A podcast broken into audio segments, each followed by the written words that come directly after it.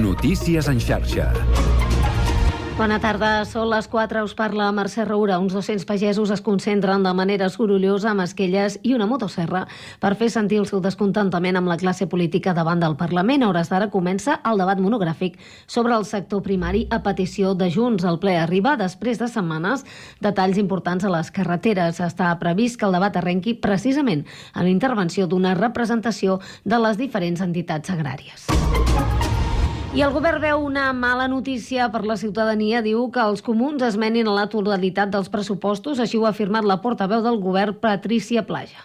Confiem, i ho hem dit i ho reiterem, que els comuns eh, no siguin capaços de tombar els pressupostos per càlculs partidistes, perquè ara ja és una evidència que el hard rock només és una excusa. Uh, des d'aquí continuarem negociant, evidentment, amb la millor de les voluntats. Plaja ha reiterat que en Comú Podem té una molt bona proposta damunt de la taula. I avui, com cada dimarts, hi ha hagut reunió del Consell de Ministres i precisament el Cascoldó ha centrat bona part de les explicacions a la portaveu del govern espanyol, Pilar Alegria, que per cert també ha fet referència a la futura llei d'amnistia, s'ha mostrat optimista i ha afegit que l'acord amb Junts és imminent. Pero sí que les puedo avanzar que el acuerdo está cerca. El acuerdo está cerca. Y más allá de las negociaciones y las conversaciones, lógicamente, que les corresponde a los distintos grupos parlamentarios, lo que sí que les puedo asegurar es que esta ley entró impecable al Congreso de los Diputados y va a salir impecable, constitucional, conforme al derecho europeo y con un objetivo claro, mejorar la convivencia.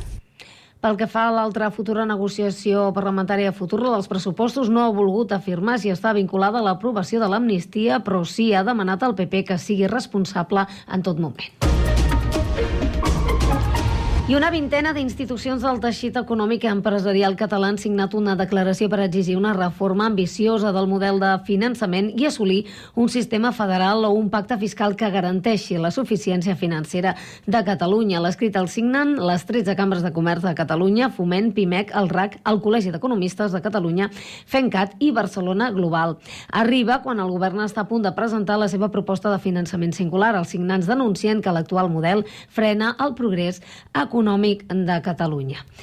Tornem d'aquí una hora amb més notícies. Estem pendents del que passa al Parlament d'aquest monogràfic sobre la pagesia. Fins ara. Notícies en xarxa.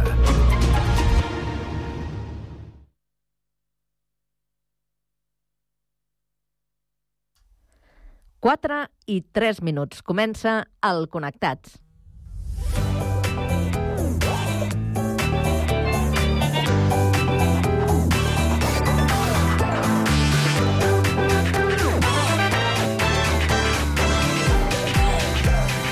Connectats amb Carme Reversa.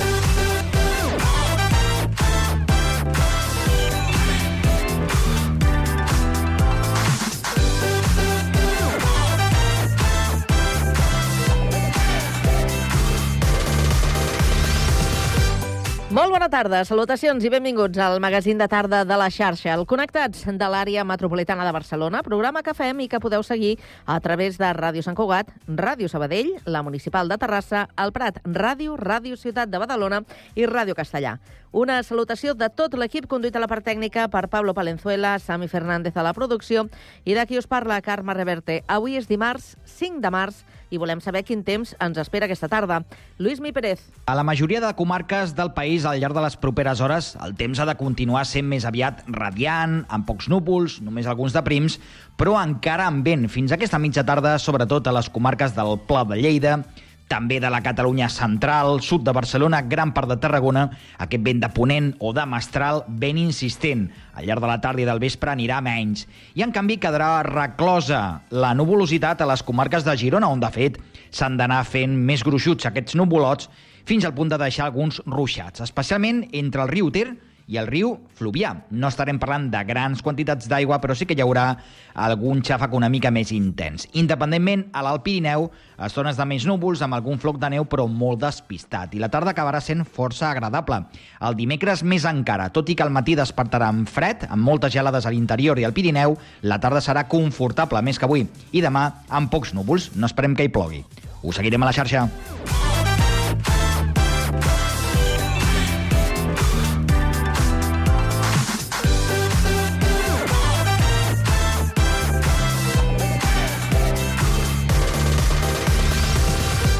Bé, doncs avui al Connectats coneixerem el nou espai virtual sompolígons.cat, creat pel Consell Comarcal del Vallès Occidental. En parlarem amb Meritxell Ramírez, tècnica del Consell i creadora del portal.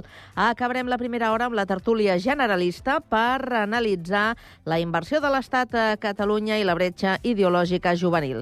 A partir de les 5 coneixerem la sabadellenca Yolanda Clamot, capitana de l'equip femení del Club Tenis Sabadell. Continuarem amb llengua per parlar amb Marga Paiola, coordinadora d'Internacional de Plataforma per la Llengua a Badalona. I acabarem amb cultura per presentar-vos la novel·la de la badalonina Sió Lara. Tot això i més des d'ara i fins a les 6 de la tarda a la vostra emissora local. Connectats? Comencem.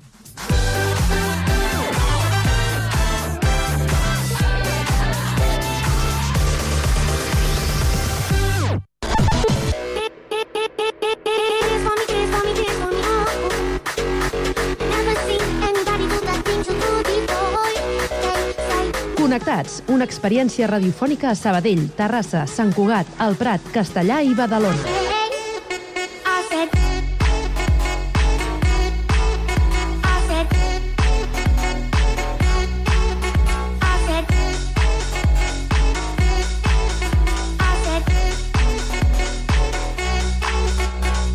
Connectats amb Carme Reverte.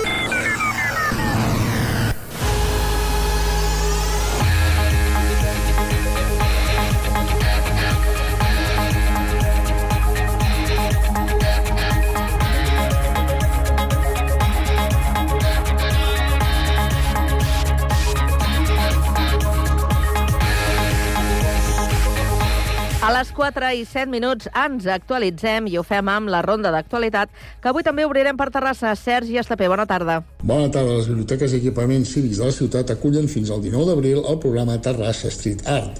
Són uns tallers de diferents creacions artístiques com plàstica, música, dansa o teatre. Per novè any consecutiu, la Regidoria de Promoció Cultural i Audiovisual de l'Ajuntament de Terrassa aposta per fer arribar la música, la dansa, l'escriptura, el teatre i la pintura d'una forma totalment gratuïta i oberta a tothom.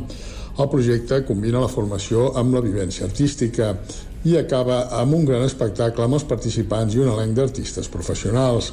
Entitats com la Factoria Social, l'Associació d'Aus, Escola de Música Tecnos o el grup, sempre acompanyats, ja s'han sumat a aquesta iniciativa i estan a punt de començar els tallers. A títol individual, però, també s'hi pot participar i també es pot col·laborar assistint a les sessions que s'impartiran a les biblioteques. El projecte utilitza l'art com a eina d'integració i cohesió social. Busca fomentar la vivència artística i fer-la arribar de manera descentralitzada a tota la ciutadania.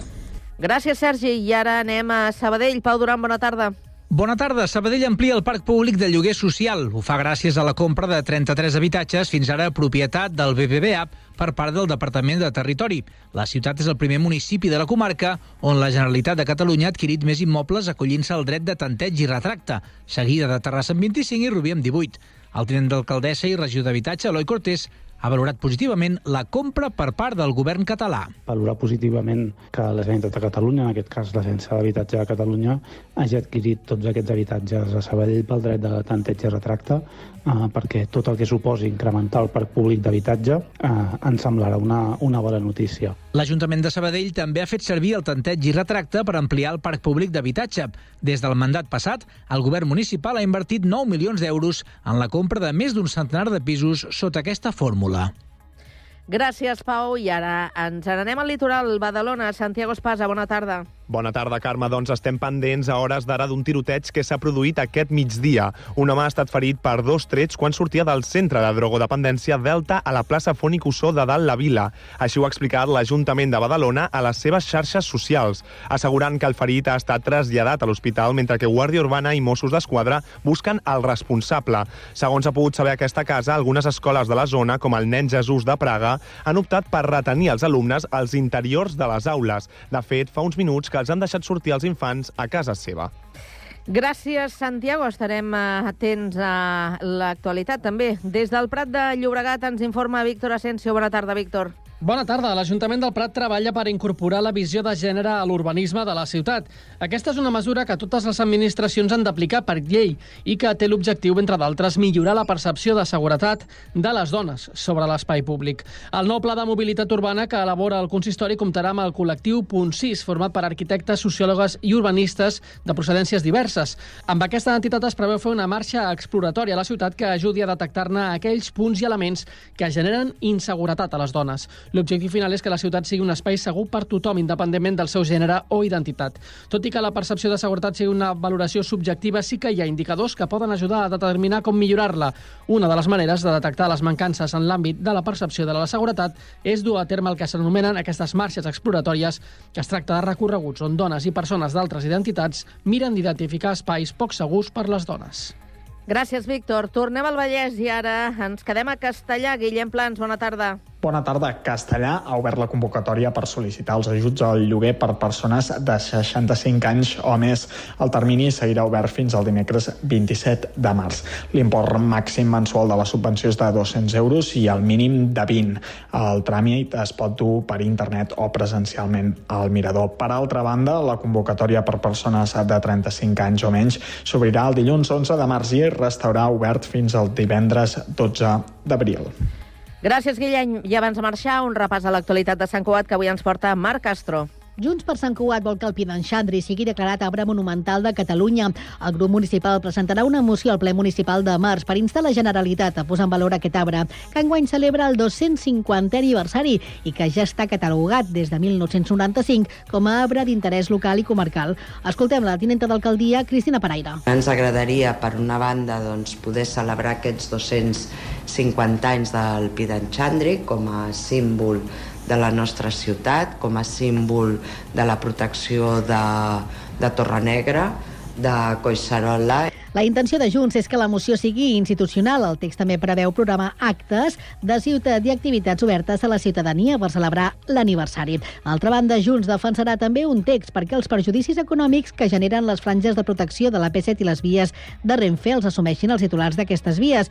Ho ha explicat el tinent d'alcaldia, Carles Brugaroles. Al final això s'ha de materialitzar amb un canvi legal, en aquest cas una, de la llei de protecció civil de Catalunya, per tal que quedi clar això, no? que més enllà de l'afectació eh, no? el gran núvol no? de particulars i d'administracions públiques afectades, qui hauria de fer front a les conseqüències d'aquella activitat eh, doncs és aquells que generen aquesta externalitat negativa. La moció de Junts els presenta a altres administracions afectades per aquesta situació. D'aquesta manera, el grup municipal confia en fer força amb altres ajuntaments, l'EMD, amb administracions supramunicipals i entitats.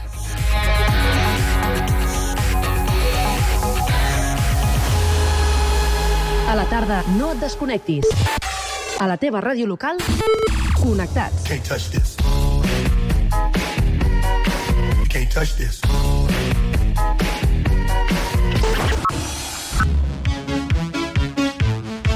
Can't touch this. Can't touch this. Connectats amb Carme Reberte.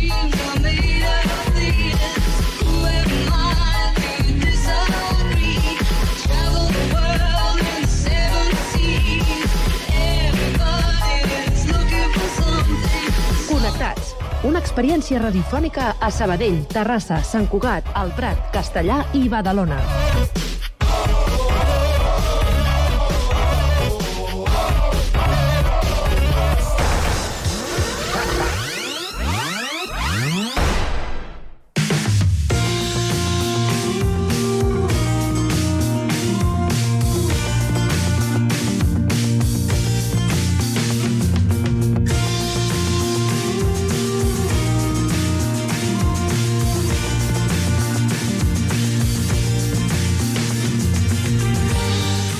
El Consell Comarcal del Vallès Occidental ha creat eh, sompolígons.cat, un espai virtual amb informació sobre els polígons industrials de la comarca.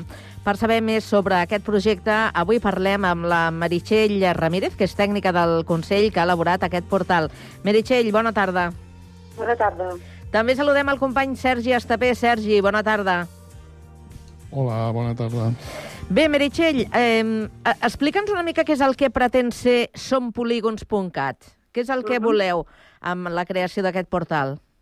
Doncs amb, amb aquesta web, eh, que ha estat impulsada pel Consell Comarcal, el que volem fer és posar tot el coneixement que tenim sobre els polígons industrials de la comarca a disposició de, de les empreses eh, industrials de la comarca, de tots els agents públics i privats eh, que vulguin consultar-ho i que necessitin aquesta informació. Això, per una banda, la, diguéssim, l'objectiu més immediat. I, per altra banda, sempre, sempre ens agrada dir que amb el web i amb el títol i amb el nom de web, que es diu Som Polígons, el que volem fer és enfortir uh, l'orgull poligonès. Volem, volem, volem visualitzar tot el conjunt uh, del teixit socioeconòmic de la comarca industrial, que és, que és uh, molt distintiu, molt diferent, uh, i posar-lo posar, -lo, en valor.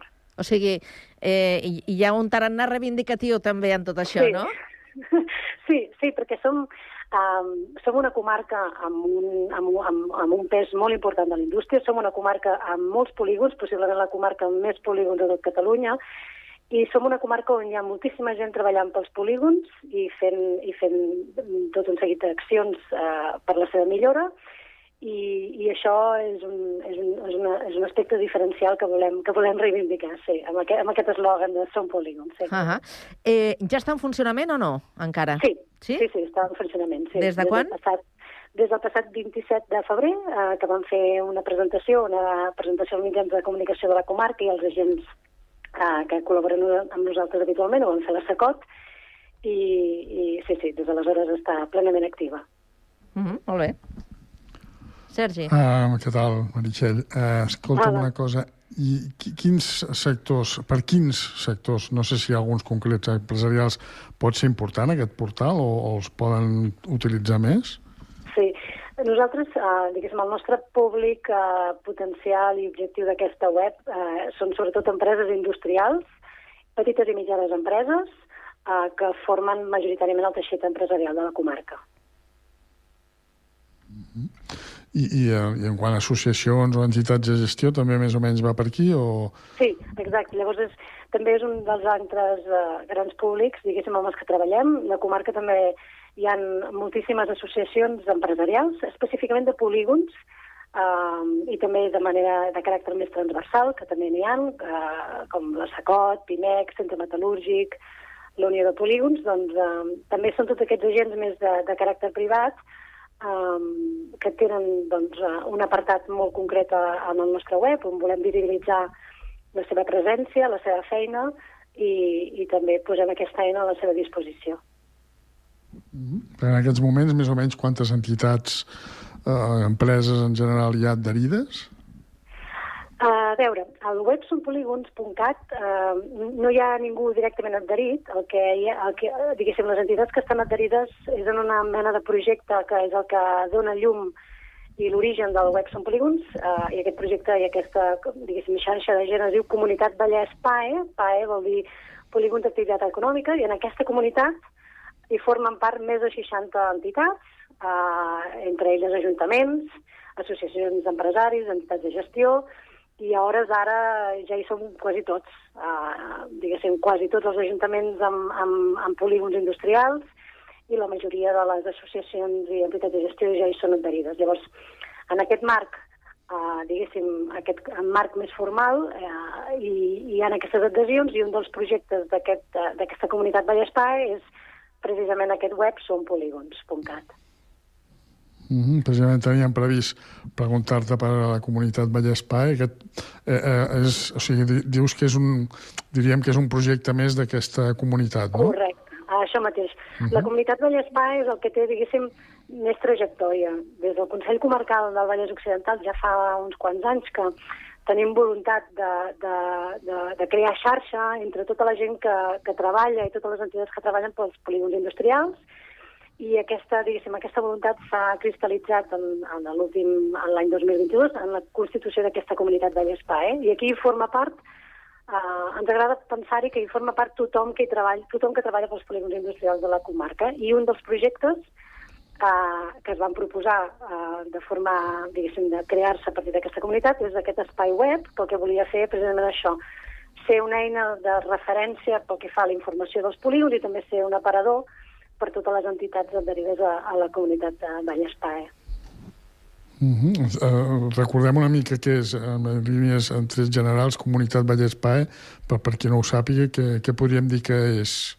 És, nosaltres la, la definim com la xarxa de, la xarxa de cooperació pública o privada, perquè hi participen agents eh, públics com ajuntaments de la comarca, però també entitats privades eh, i patronals, la xarxa de cooperació pública o privada dels polígons d'activitat econòmica del Vallès Occidental. És un, és un espai Uh, és un espai de col·laboració, un espai on, on volem crear unes relacions estables de confiança i de treball per poder engegar projectes que, que facin que els nostres polígons uh, doncs, uh, es modernitzin i siguin uh, doncs, competitius uh, a Catalunya i al món. Això podem dir que és una cosa només d'aquest d'aquest Consell Comarcal o és una cosa que s'extrapola a altres? No sé si ho sabeu, si hi ha altres Consells Comarcals que també tenen una cosa similar. Bé, doncs uh, no, som veritablement pioners, però això és una cosa que ens n'hem adonat una mica al llarg del temps. Eh? Um, no, no, no, no, no, no ens vam inspirar en cap, en cap cas concret que existís, perquè a Catalunya, que sapiguem, no, no, no hi ha una xarxa d'aquest tipus, no hi ha un, un marc de treball estable com aquest, um, però diguéssim, en el nostre cas, com que fa forces anys que treballem de manera constant amb, tota, amb tots aquests agents, doncs eh, veiem la necessitat de, diguéssim, de consolidar-ho, de presentar-ho i, i, i, i crear projectes de manera col·laborativa, no? Um, I sí que és veritat que des que ens hem estrenat una mica de manera més pública, doncs sí que hem anat veient que, que érem pioners en aquest sentit i que, que sapiguem no, no, no, hi ha, no hi ha cap altra comunitat d'allà Espai en un altre lloc. Però, com deia al principi també, jo crec que també respon una mica a la idiosincràsia de la nostra comarca. Vull dir, som una comarca eminentment oh. industrial, una comarca amb moltíssim, moltíssim teixit empresarial, associatiu, i jo crec que la comunitat de l'Espai i la seva existència també respon a aquesta, a aquesta particularitat. Mm -hmm. Abans de parlar de la comunitat Vallespai parlàvem d'entitats de, adherides. Pot, pot una, sí. no sé, algú que ens estigui escoltant diu, ostres, a mi m'agradaria adherir-me a aquest projecte. Eh, es pot, ho pot fer i com, com hauria de fer-ho? Doncs, uh, primer de tot, uh, les adhesions, sobretot, hauria de ser si, si formessin part d'una associació d'empresaris de polígon específicament. Eh? Uh, som uh -huh. molt específics en aquest sentit. Qualsevol associació empresarial um, diguéssim, no forma part del target, diguéssim, Um, I, per tant, si és una empresa uh, individual que volgués formar part d'aquesta comunitat, el primer que sempre diem i recomanem és que uh, busqui, precisament a la nostra web, busqui si hi ha una associació d'empresaris en el seu polígon, si és una empresa industrial, és molt probable que sigui així. Llavors, uh, recomanem que s'hi adhereixi i a través de, de la seva associació doncs, segur que podrà participar-hi. Mm -hmm no, no sé si dir beneficis, potser millor dir avantatges. Quines avantatges pot tenir una, una empresa o una entitat que està adherida a, a sompolígons.cat? Sí, sí. Uh, L'adhesió a la comunitat Vallespai, uh, diguéssim, aporta un conjunt de beneficis normalment relacionats amb, amb formar part d'una comunitat de, de gent, uh, doncs, uh, poder uh, participar de projectes com els que estem tirant endavant, poder participar de sessions on compartir informació i tendències i novetats sobre, sobre, i l'actualitat sobre els polígons industrials i, i en general eh, formar part d'un teixit associatiu que com més fort sigui, més capacitat té per reivindicar eh, millores i, i, i, i poder avançar a la competitivitat de les indústries. En general, sempre, sempre ens agrada enfatitzar que un associacionisme empresarial fort sempre, normalment sempre, està relacionat amb una major competitivitat de les empreses, perquè són capaces de poder accedir a més informació, més recursos i, i a més, i, a més, i, en un entorn mm, més sòlid. Eh, Meritxell, eh, a banda d'això que ara estàveu comentant, eh, oferiu algun tipus de, de servei des d'aquest portal? Um, en, aquest servei, uh, en aquest web, perdona, el que sobretot oferim és informació com a servei, diguéssim, Um, I també farem una secció que es diu Serveis, que és un, una secció on hi ha tot un seguit de, de preguntes, de, de, de preguntes freqüents amb informació uh, relacionada als dubtes més habituals de les, de les, de les empreses industrials. També oferim, uh, diguéssim, uh, intermediació, no? Si hi ha un apartat de contactes, si hi ha alguna empresa, alguna associació que necessita doncs, posar-se en contacte amb algun ajuntament o necessita informació sobre alguna qüestió concreta, per exemple, si és una empresa que està buscant uh, un, un espai on instal·lar-se, o on recol·locar-se, o ampliar les seves instal·lacions, des d'aquí també, des del web sonpoligons.cat també, també ho oferim. Mm. I una cosa, Meritxell, no sé si igual aquí, eh, és, és una pregunta que se m'ha ocorregut, el, el, tot l'avenç tecnològic, bueno, la digitalització, està incidint en, el, en el, el que és, com es havia pensat el que era un polígon o no?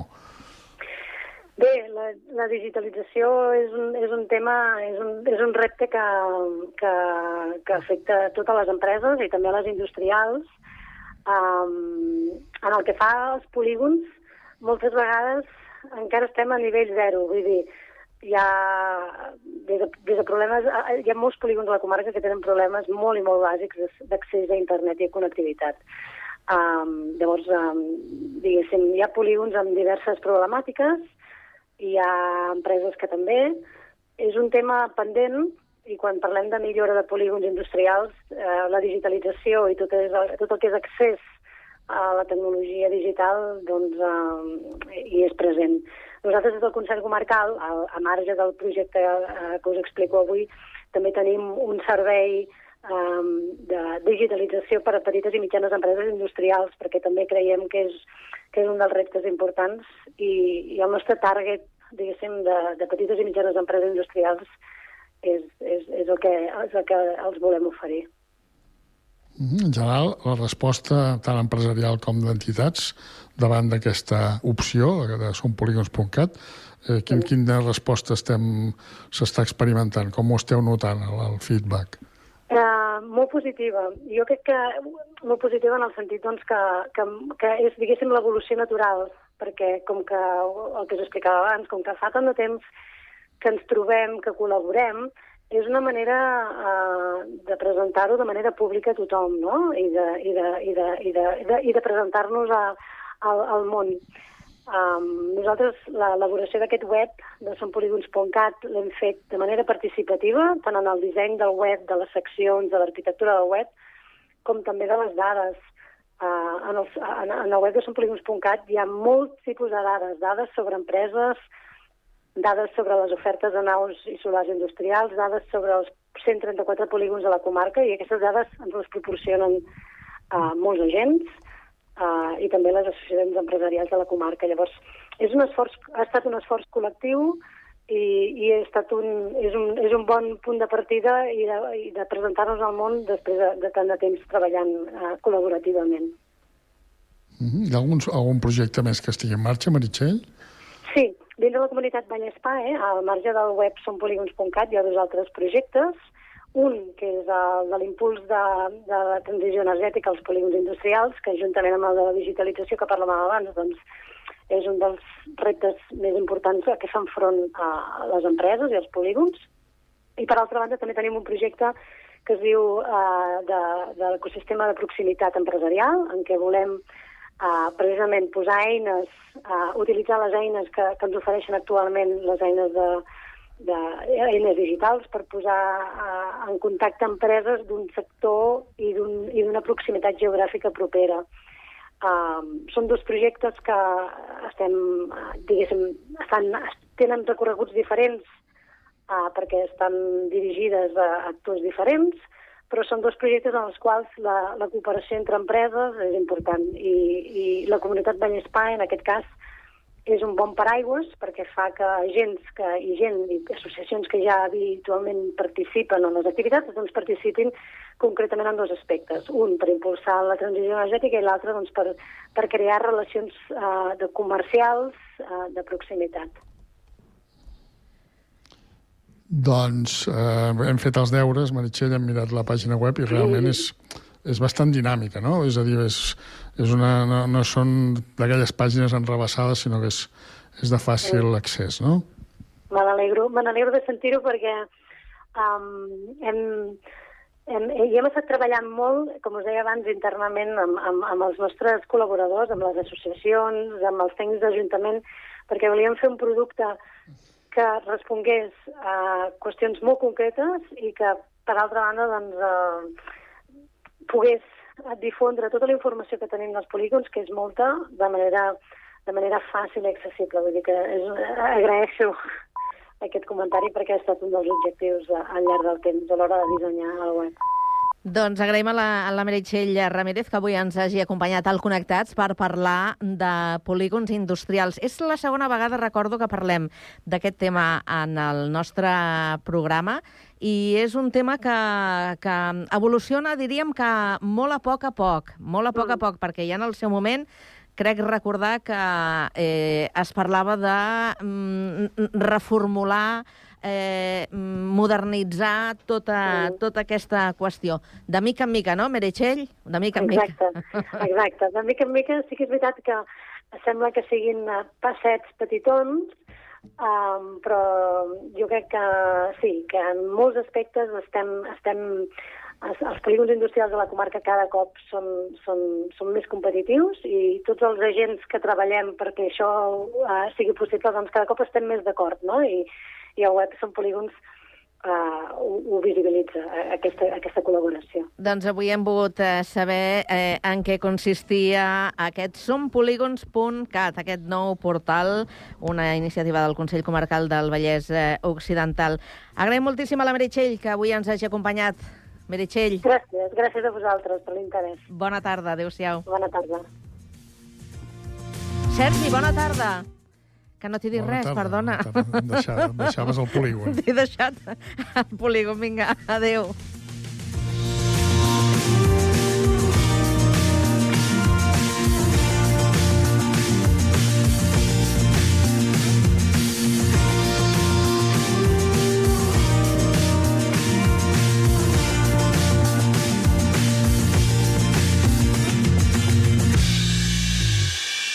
A la tarda, no et desconnectis. A la teva ràdio local, connectats. Can't touch this. Can't touch this.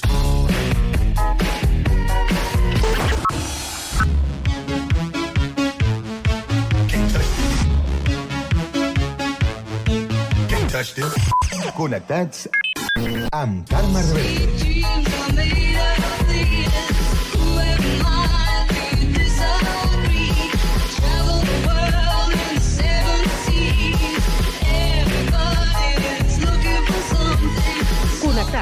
Una experiència radiofònica a Sabadell, Terrassa, Sant Cugat, El Prat, Castellà i Badalona.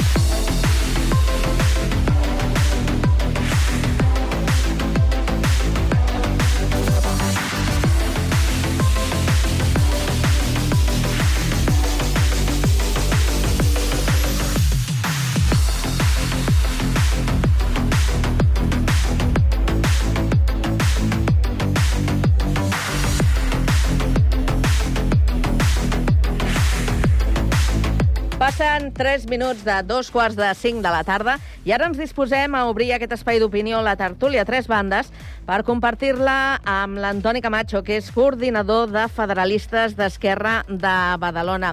Antoni, bona tarda. Molt bona tarda a tothom. Molt bona tarda. També ens acompanya Rubén Ramiro, que és estudiant de Ciències Socials i ens acompanya des de Sabadell. Rubén, bona tarda. Bona tarda. Molt bona tarda. I a Sant Cugat tenim la Lourdes Dalmau, que és professora llicenciada en Economia i Empresa. Lourdes, bona tarda. Molt bona tarda. Situada ja? Sí? a punt de... Menys mal que no hi ha càmeres, oi? No, no, jo us ho explico. És que la Lourdes ha fet un canvi. Mentre estàvem acabant de presentar els nostres tertulians, eh, s'ha creuat tota la taula d'una banda, d'una banda a l'altra. Ha fet un canvi de- d'emplaçament. No sé si que des d'aquí ho escoltaràs millor. Eh, aviam, la qüestió estava... L'altra banda no tenia auriculars, aleshores, com que estaven connectats, perquè estem, estem connectats, oi? Sí, i tant, que estem Aleshores, connectats. he hagut de, la veritat, de fer una mica així especial. Vinga, anem a, anem a parlar de les qüestions eh, importants, com per exemple són les inversions que fa l'Estat a les diferents eh, comunitats. Una publicació de, de l'ara d'ahir, d'abans d'ahir, eh, doncs, eh, començava a, a, a donar xifres sobre l'execució de, de la inversió a, a Catalunya. I parlaven eh, en un principi de les dades de, corresponents al primer semestre. En el cas de, de Catalunya, aquesta execució de, de la inversió era del 16%, quan la, la mitjana espanyola és del 21%, i a Madrid eh, del 52%. Ara les dades que ja tenim eh, avui parlen del tancament de l'exercici del 2022, que en el cas de Catalunya tampoc no arriba ni al 50%, al 42,9%. Eh, estem sempre eh, en, en la mateixa situació. Hi ha, fora, fora comparacions entre diferents eh, comunitats, estem parlant que una cosa és el que s'anuncia a bombo i plataret, eh? invertirem tant, i després el que s'acaba el que s'acaba fent. És una assignatura pendent que pot passar en totes les administracions, que de fet eh, acostuma a passar, tant en l'administració central com l'autonòmica, com les eh, municipals. Eh, Antoni, a mi m'agradaria preguntar-te, tu com a... Eh, com, com a representant eh, polític en aquesta tertúlia, hi ha alguna manera de, de poder eh, mm, ajustar-se una miqueta als anuncis i a, la, i a la realitat? Per què ha de ser tan habitual que passi això? Doncs no sé, però tenim aquí a la tertúlia un economista que segur... Ah, també li podem preguntar, sí, tant, a la Lourdes. No, no, no, no, però, no, no jo, diré, jo diré la meva, jo diré la meva. No, no, jo no conec cap pressupost que després, quan es fa un balanç, eh, quadri exactament, no? I aleshores, en uns pressupostos generals de l'Estat i el Departament eh, de la Financiació Autonòmica, que jo crec que aquest és el punt més important que hi ha, que no hi ha una norma que reguli com es financien les comunitats autònomes, tret de les forals, que tenen un règim molt peculiar i molt insolidari, no? Eh, des del meu punt de vista. Doncs jo crec que això va més de, de política, no? I d'entendre de que si hi ha uns pressupostos, que hi ha unes determinades quantitats que s'han de repartir, m'imagino que també influirà molt el fet de que en base a coses molt concretes que s'han d'executar per part de l'Estat amb l'ajuda també del govern autonòmic. No? I aquí hi ha alguna cosa que grinyola, no sé quina és, eh, segur que l'economista ens donarà més llum, però jo crec que hem de ser molt, molt més exigents en aquest sentit de que es compleixen. No? I penso que no és només a Catalunya, sinó que és a la resta de l'Estat que hi ha un cert incompliment no? de les pressupostos i les inversions previstes en relació amb lo efectivament realitzat potser els experts ens diran com, què ha passat. Mm. El que passa és que crida molt l'atenció que eh, la diferència, ja sabem, eh, fins i tot a casa nostra, quan eh, intentem eh, quadrar els pressupostos, sempre hi ha eh, doncs un, una mica de, de biaix, però és que Aquí la diferència és eh, extremadament evident. Vull dir, hi ha, hi ha situacions que no s'arriba ni al 50%. Lourdes, vinga, vinga, la senyora dels números que ens expliqui com va el tema. Aviam. Mm. Per exemple, això es diu ara, no?, de que eh, aquí a Catalunya pues, apenas s'ha aplicat el 17% del que la llei de pressupostos tenia previst invertir a Catalunya. Però, eh, és clar, per exemple, si mirem quina quantitat hi havia pressupostada, doncs pràcticament la inversió que hi havia pressupostada a Catalunya era la doble de la que tenia Madrid. Dins del, de l'article que vaig llegir, crec que deia La Rioja hoy és, eh, quasi bé havien eh, complert tot el que s'havia pressupostat, però és que la quantitat que hi havia prevista per gastar-se eh, era molt insignificant respecte a la quantitat de diners que hi havien previstos aquí a Catalunya. Això no vol dir que considero que els pressupostos, una vegada s'aproven, és llei i que com a llei s'haurien de complir i no tenen excusa. Número 1. Número 2. Moltes vegades ens han dit la típica frase de que Espanya ens roba. Aviam, el, el, els tributs, el que recauda l'Estat, els ingressos de l'Estat, quan decideix repartir el, amb la despesa, eh, doncs eh, tenen un principi que és de redistribució de la renda. I si a un lloc hi ha més persones que tenen més renda, doncs redistribueixen la renda per als territoris que estan més desafavorits. Però hi, ha, hi haurien tantes coses a dir perquè, clar, no és el mateix viure en un determinat poble on la renda mitja és molt baixa, per exemple, el lloguer és molt baix, que comparar-lo al lloc on estem visquent, que nosaltres tenim precisament a, a Sant Cugat és un terme eh, d'aquests que ens han donat que estem pressionats no, per al Mm. tema del lloguer. O sigui, eh, per mi hi haurien d'haver-hi com índexs correctors índexs correctors i de dir, bueno, anem a fer una despesa que estigui equilibrada. I llavors també, finalment, a mi m'agradaria saber què és el que passa a Catalunya, que quan es determina fer una despesa, tots són problemes a l'hora d'executar-les. Per exemple, què passa amb veure, estàs, l'aeroport? estàs apuntant a la Generalitat? Què, què passa amb l'aeroport? Es posen d'acord o no? Si, si es pot fer la pista per aquí, si es pot fer per allà o no sé què. Jo recordo fa molts anys, quan havia d'arribar el tren d'alta velocitat, que es parlava per on ha de passar? Uh, ha de passar per Sant Cugat? Ha de passar pel mig de Barcelona? Ha de passar per sota la, la Sagrada Família? I recordo que amb tot això, clar, no es podien executar els pressupostos, però ja no perquè no hi hagués voluntat del, del govern central, sinó eh, nosaltres mateixos de vegades no ajudem massa. Eh? Tot i això, ja us dic que jo penso que mm, a Catalunya s'hauria d'haver-hi més inversió per part de l'Estat. Sí. Mm. Rubén, com ho veus? Uf, aviam, uh, s'han dit moltes coses.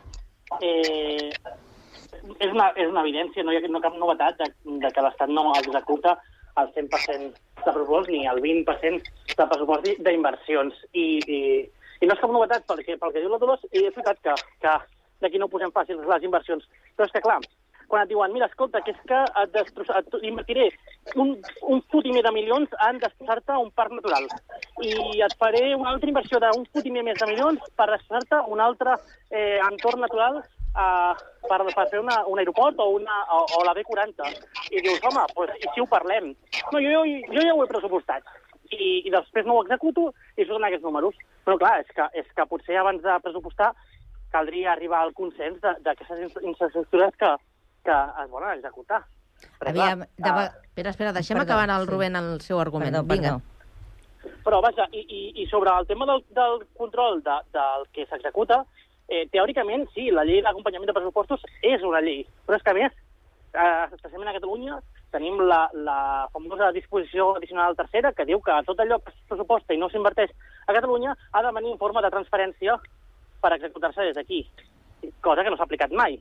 L'any passat es va dir que arribarien, no sé si m'equivoco, 400 milions d'euros per part de l'addicional tercera, que era la meitat del que el govern espanyol havia dit que donaria i era molt menys del que realment s'havia d'invertir en els anys que fa que està eh, aprovada la disposició. Llavors, si ni tan sols la llei, ni l'Estatut, ni cap norma jurídica aconsegueix que al final aquests diners arribin on han d'arribar, no sé què esperem, no sé, o sigui, no sé quina, no, no sé quina és la solució. Al final, doncs, haurem de desistir, no ho sé, no, no, no ho tinc clar. Avui tinc un dia pessimista, eh? Ja us aviso. Eh, eh, sí que m'agradaria insistir en això, eh? que estava comentant el, el Rubén, el tema de, de, de la disposició. Antoni. Anem a veure, és, és, és de repetir-nos... Jo crec que tenim un problema que no, no acabem de resoldre, que és el finançament autonòmic. Està la LOFCA i no hi ha res més. I jo crec que això aniria, i ara ja no ho dic perquè jo sigui de federalistes d'esquerra, sinó que, ostres, és que és un estat federal on s'acordés exactament quines són el repartiment, quines són les responsabilitats, eh, una, una cambra territorial que eh, fos allà on es determinés i competències exclusives de cada autonomia o estat autonòmic o com li vulguem dir, doncs això ho resoldria. Perquè és que quan hi ha canvis de govern, sí, està el repartiment, però com es decideix no està escrit en la Constitució ni enlloc més enllà de la LOFCA. Perquè jo no crec que hi hagi cap govern, fixeu-vos ni el aquest actual, ni tan sols el del PP, que tinguin la intenció de Catalunya, que és la potència industrial d'Espanya majoritàriament, doncs estigui perjudicada. Bueno. Trobo que és un problema, ho deia ara el company que deia anteriorment, doncs que costa massa perquè no està regu- regulat bé doncs que les inversions vagin a una cosa molt concreta perquè no hi ha acords polítics. Aleshores, jo crec que és molt més complexa de, de, de que si eh, no hi ha voluntat política perquè es eh, facin les transferències de corresponents a, les, a cada comunitat autònoma. Sincerament, crec que eh, l'entesa no? i el veure de que aquests recursos s'han de destinar i s'han d'executar per al bé dels ciutadans i del país, doncs no hi ha manera. I, aleshores, no sé, estarem Espero que no, però d'aquí a dos tres anys i parlant del mateix. És un disbarat. I l'única manera per mi seria tenir un estat federal, autènticament federal, on això estigués perfectament pactat i on l'Estat no es pogués ficar en matèries que ja estan pressupostades i són corresponents a cada comunitat autònoma, en el cas nostre de Catalunya. No? No, a mi m'agradaria és, sobretot, es complís la llei. I, i, I potser, de vegades, el problema ja és, eh, clar, el conjunt de recursos sempre estan limitats. I les necessitats, tothom, totes les comunitats sempre en tenen i en volen moltes. I els governs centrals, a vegades, per, per, per conveniència, doncs a vegades diuen masses coses que sí, a sabendes que no podrà ser que sí. I llavors és quan ens trobem, diguem-li, amb aquesta decepció de que t'han dit moltíssimes coses i no s'han complert. Eh, jo, francament, tan sols que no ens, no ens diguessin tant i el que es, dig, es digués es complís, per mi n'hi hauria prou. Tenint en compte això, eh, de que jo penso de que el que es recau damunt territori no necessàriament ha de recaure en, en aquell territori, tot aquell import. Ja. Però i les eh? necessitats de cobrir? I el que no es recauda. Sí, clar. I el, Però, i el que no es recauda. Perquè, clar, parlem sempre d'això. És, és, es tracta d'això, de redistribuir la riquesa. Mira, sí, però, però, escolta'm una però... cosa. Amb la Unió Europea, amb els fons de la Unió Europea, quan érem 15 països, Espanya quedava, diguem-li, per sota de la mitjana i anaven mm. rebent fons de cohesió i, i d'altres. Eh, mm. Quan van entrar els altres països, que eren més de l'Europa de l'Est i que venien amb rendes més baixes, nosaltres automàticament vam quedar per sobre de la mitjana, amb la qual cosa som contribuents, som més contribuents i és, no hi ha un altre. És, es tracta de buscar el, el, el màxim d'equilibri, perquè si, no, si, si hi ha un lloc que creix molt, s'inverteix molt i així, què és el que passa? De la resta del territori hi ha com un efecte crida, la gent va on es pot guanyar la vida. Es tracta una mica de repartir i equilibrar. Això sí, no, no, vol... total, totalment d'acord. Eh? No, jo, jo no he criticat mai la, la redistribució de la riquesa eh, als que ja fa molt temps que participo a la, a la tertúlia i crec que ho he deixat bastant clar. Però clar, eh, aquí, aquí redistribuïm riquesa, sí, però, però també paguem molts impostos que altres comunitats, per exemple, eh, desisteixen de, de, de recaptar i, i se'ls compensa d'una altra manera, perquè, clar, com que tenen menys si toques amb el tema dels impostos, aquí sí que hi entro i entro directe. Perquè és una vergonya que fem aquí a Catalunya, que tenim més impostos que, que, que, que a cap lloc.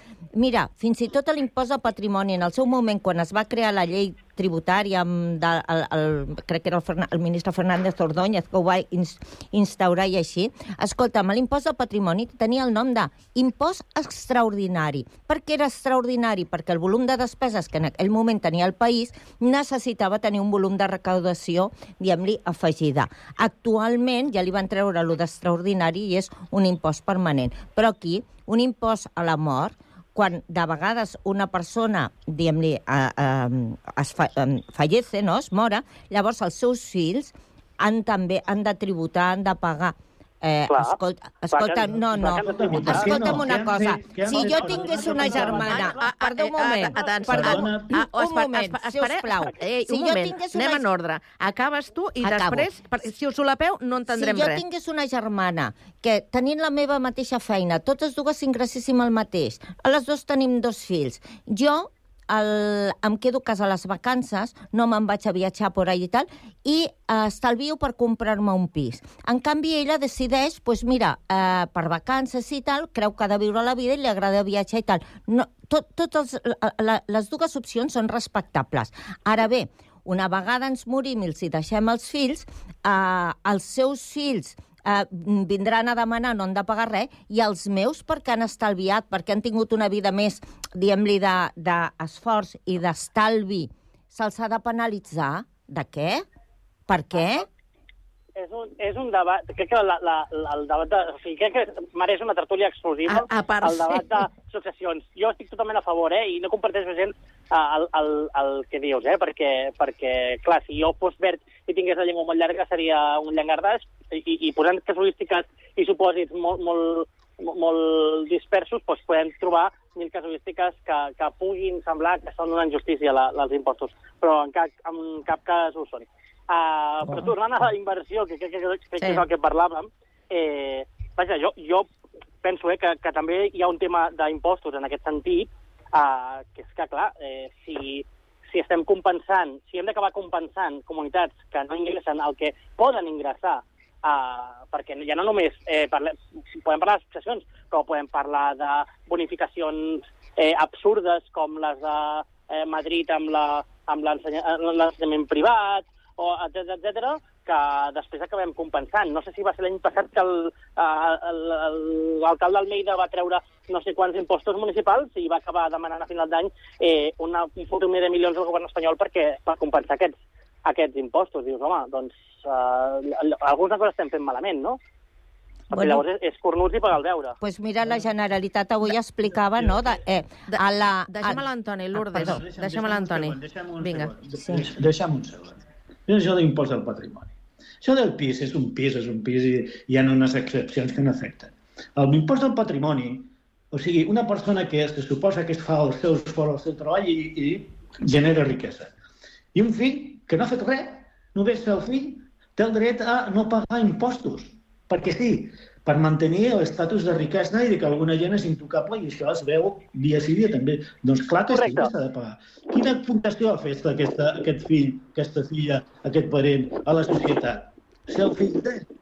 I, i el fill... Trobo que és una de les coses doncs, que estan molt bé perquè els, sense, sense impostos doncs, eh, doncs ja m'explicareu com es mantenen la sanitat, l'educació, el tema de les pensions, tot això. Home, hem de ser seriosos si volem ser un país amb, amb drets i diners. Aleshores, hi ha altra cosa és com es regula i els, els mínims que s'han d'estar doncs, eh, sense pagar. Això està claríssim. Ara, per el mer fet de ser un fill i eh, heretar una fortuna i que no pagui res, per això què és? Però una fortuna, què és? quina fortuna? Això és mantenir no, no, no és veritat. i trencar, no és veri... trencar, no és trencar l'ascensor social i mantenir els privilegis de la gent que jo no dubto de que se l'hagin guanyat, però que se'l guanyessin també. Però si hi ha molta gent que que s'ha de vendre... S'ha de vendre Avui no toca- l'herència per pagar. Ah, sí, hi ha molta gent que hi ha s'ha de situacions vendre... i situacions. Hombre. Però aquest no és el debat Ja, d'avui. que... pobreta, aquesta gent que ha de pagar. Sí, ja. Ah, haurem de... Volem una tertúlia sobre... Canviar- sobre eh, Canviarem de... Cam... Digues, Rubén. Que volem una tertúlia sobre successions. Sí, Vale, vale, vale. Doncs avui no, la tin... avui no la tindreu, perquè ens... estem pràcticament a les acaballes i, i us havia proposat un altre tema que també crec que és força interessant, sobretot per aquest canvi de tendència. I ara eh, m'estic referint a aquesta mm, bretxa ideològica eh, juvenil, Uh. Que, que s'es- que s'està posant ja més que en evidència, i és que, segons els estudis, segons els anàlisis eh, que s'han fet eh, fins ara, en l'evolució mm, des, de, eh, des del 1984 fins avui, al llarg de tot aquest període democràtic, eh, doncs eh, ara hi ha hagut un canvi de tendència. Diu, si als 80 ells eren, els nois, els que se situaven més a l'esquerra, ara són elles. I el 2024 aquesta bretxa entre eh, els dos grups ha augmentat més, eh, més que mai. És a dir, que ara els joves eh, han virat més cap a la dreta i, en canvi, elles es mantenen a, a l'esquerra. Fa dies eh, que n'hem parlat de, una mica de- d'aquesta qüestió. M'agradaria preguntar-vos, eh, vosaltres enteneu aquest viratge? Teniu... Sí, jo sí. Sí, tu Sí, sí, l'entens. jo Vinga. Rubén. Jo la- l'entenc i té una explicació molt, molt, molt senzilla i complicada alhora. Va. I és que, un, tenim Si no falles, eh? un sistema polític ara mateix um, que no és capaç de donar resposta a les necessitats dels joves, perquè mm, a, encara avui dia, mare, ens omplim la boca de la, del, del jovent, encara no som capaços d'entendre les necessitats del jovent, uh, com, com fins ara, eh, tampoc havia passat, però, però av- avui cada cop és més greu per la, per la bretxa intergeneracional que, que, que cada cop és més gran. Vale? Llavors, hi ha una falta de, de referents polítics vale? que a sobre eh, el sistema polític ha, ha, ha permès un control dels mitjans eh, privats, eh, que són els majoritaris, eh, per part de mitjans de comunicació, per part d'empreses amb interessos polítics, òbviament, de dretes, eh, i que al final són el, eh, qui produeix el, els productes audiovisuals que consumeixen el jovent. I, per tant, les referències que tenen els hi venen d'aquestes aquest, empreses. I, per suposat, doncs, òbviament, mmm, això fa que a la seva tendència política eh, doncs, viri. Uh, I vira amb els productes que veieu a la televisió, però també amb els youtubers i, i influencers que s'ha decidit eh, doncs, patrocinar, perquè no és gratuït que una persona arribi a ser influencer Uh, no, no, no, no és una cosa que et proposis i et surti, sinó que a la xarxa social que t'està promocionant i que té uns interessos perquè és una empresa privada, uh, et tria perquè et promoció, per promocionar-te i perquè arribis a aquesta gent. Per tant, aquells, aquells uh, uh, influencers, diguem-ne, que reprodueixen els discursos que els interessa són aquells que tenen, acaben tenint més veu i són els que arriben a, als, als, als joves. Si això li sumes que no tenen referents polítics que, que, que desmenteixin aquests discursos, sobretot per part de l'esquerra, que eh, porta molts anys sent incapaç de donar una resposta al jovent, doncs tens un desastre com és el que està passant. Rubén, I també... crec que, crec que t'estàs marxant de la idea. La idea és que els nois, els homes, joves, eh, tiren cap a les dretes actualment sí, sí, sí, sí. i les noies sí, sí, sí. tiren, joves, tiren cap a l'esquerra. Sí. On està la I causa? Això... Amb, el, amb, els, a, a, amb els mitjans de causa està- comunicació? Correcte. Sí, sí, sí, i tant, i tant. És- És, és- fàcil, és fàcil. És una El- opinió. Deixem a la la- a l'Antoni Sí, sí, també. veu, veu. Estem al final ja, Antoni, molt, molt breu. Bueno, es que no, no acabo de entender el que se acaba de dir. No. Que tenim un problema, vivim en una democràcia liberal, que ens agrada a tots. I tenim un sistema capitalista que nosaltres, els que tenim certa edat, els que hem dit als nostres fills que estudia, treballa fort i després tindràs la recompensa, han estudiat, han treballat fort i no la tenen perquè el mercat laboral no se les permet, perquè hi ha una especulació, perquè no tenen accés a la vivenda, perquè hi ha una reforma laboral de la dreta que va fer rebaixar els salaris i va empobrir a la ciutadania, a la classe treballadora, I ja- als treballadors o la classe I ja no, no ens queda, i ja no, no ens queda, no, no, no, no, no, dona que no ens no queda parla. més temps, no ens queda més temps. no. Ho hem, ho hem de deixar aquí. Gràcies als tres. Bona tarda. Bona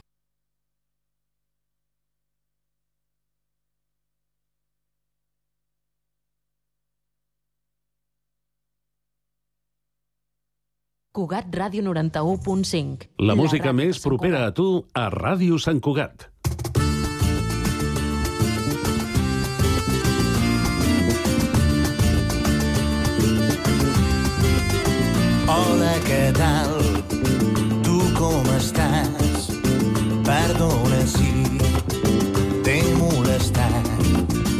No voldria fer-me pesar, però crec que això t'ho he d'explicar.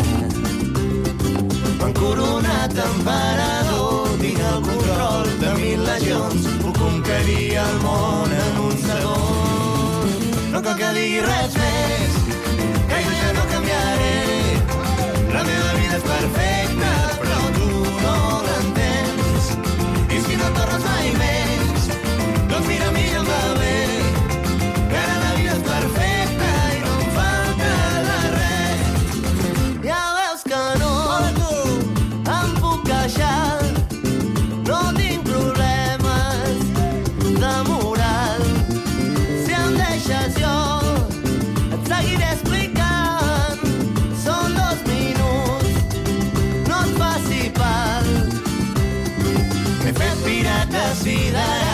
està per sobre el bé i el mal. Si veus que caic, em tornaré a aixecar.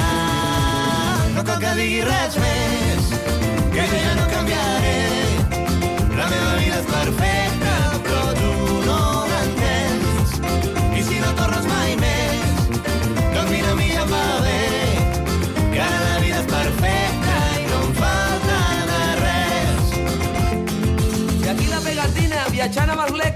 per donar-li llum als camins del desamor. Avui apaixem la lluna si cal. Vamonó, vamonó! No cal que digui res més, que jo ja no canviaré. La meva vida és perfecta, però tu no l'entens. I si no tornes mai més, doncs mira, mi va bé, que ara la vida és perfecta.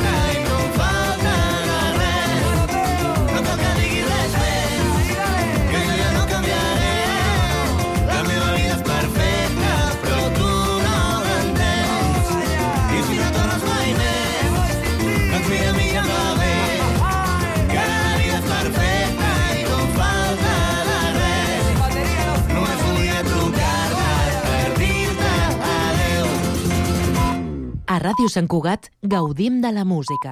Gaudeix-la amb nosaltres.